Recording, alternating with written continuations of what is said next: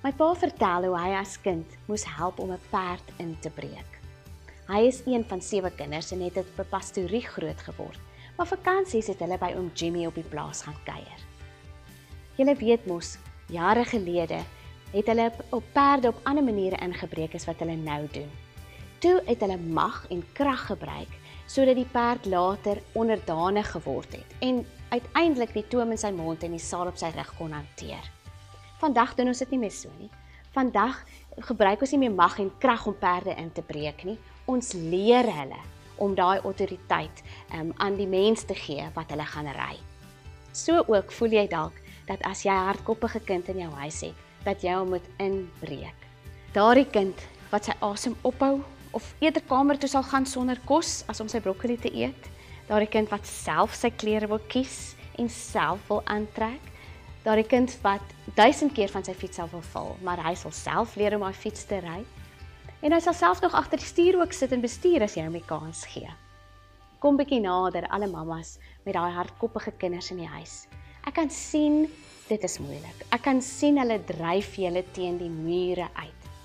Maar daardie kinders moenie verander word nie. Daardie kinders moet net geleer word om daardie eienskappe van hardkoppigheid en gedetermineerdheid en um, selfgeldendheid passievol te gebruik. Julle gaan nog sien, eendag gaan hierdie kinders awesome dinge doen want dit is hoe God hulle gemaak het. Cynthia Thomas het 'n boek geskryf, You can't make me, but I can be persuaded. Hierdie titel sê vir my alles. Hierdie kinders wil nie gemaak word of gesê word wat om te doen en hoe om dit te doen. So dit is belangrik om vir hierdie kinders keuses te gee, want wanneer ons vir hulle keuses gee, dan voel hulle bietjie meer in beheer.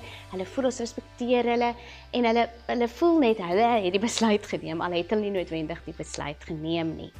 Sy gee ook 'n goeie tip vir oor hoe ons met hierdie kinders moet moet gesels wanneer dit kom by daai dinge wat nie eintlik negotiable is nie. En sy sê: Sê gee jou instruksies soos byvoorbeeld maak jou vas met die gordel, okay?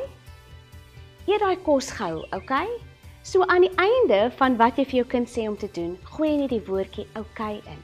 Dit klink amper bietjie soos 'n teenstelling want aan die een kant sê ons vir hulle om iets te doen en aan die ander kant sê ons okay. Maar dit is belangrik hoe jy daai okay sê. Ons sê hom nie met 'n ag, maak jy jou jou um, sitplek gordel vas, okay? Ons sê hom nie met 'n vraag in ons stem nie. Ons sê hom met sit maak asseblief jou veiligheidsgordel vas, okay? Maar net die manier wat ons dit vir die kinders sê, gee vir hulle 'n gevoel van hulle is in beheer. Hulle het dalk 'n keuse om hier te maak. Met een van my onlangse ouerskap konsultasies, het die mamma van 'n 2-jarige vir my vertel hoe moeilik dit vir haar is. Want elke keer as sy iets vir haar 2-jarige sê om te doen, dan word dit vinnig met 'n nee of met 'n self ontvang. Sy het nou die dag vir haar gesê, "Kom ons gaan lekker pannekoek eet." Toe dadelik sê sy nee sy mooi daaroor dink toe besef sy, maar nie eintlik wil sy pannekoek hê. Toe moet sy vinnig terugtrap en sê nee, maar sy wil eintlik pannekoek hê. Ons moet onthou, tweejariges ontwikkel nog hulle identiteit. Hulle moet leer dat hulle apart is van mamma en dis waarom daai nee woordjie en selfwoordjie baie keer instoks, inskop. Dis anders as 'n hardkoppige kind wat waarskynlik al besef hy het nou net nee gesê vir die pannekoek, eintlik nie dit gaan omdraai en weer gaan sê ja nie. Hierdie hardkoppige kinders het 'n spesifieke manier nodig hoe ons hulle kan leer om hulle talente en hulle gedetermineerdheid wat God vir hulle gegee het te gebruik. Eendag gaan jou kind amazing dinge doen. Daarvan is ek seker.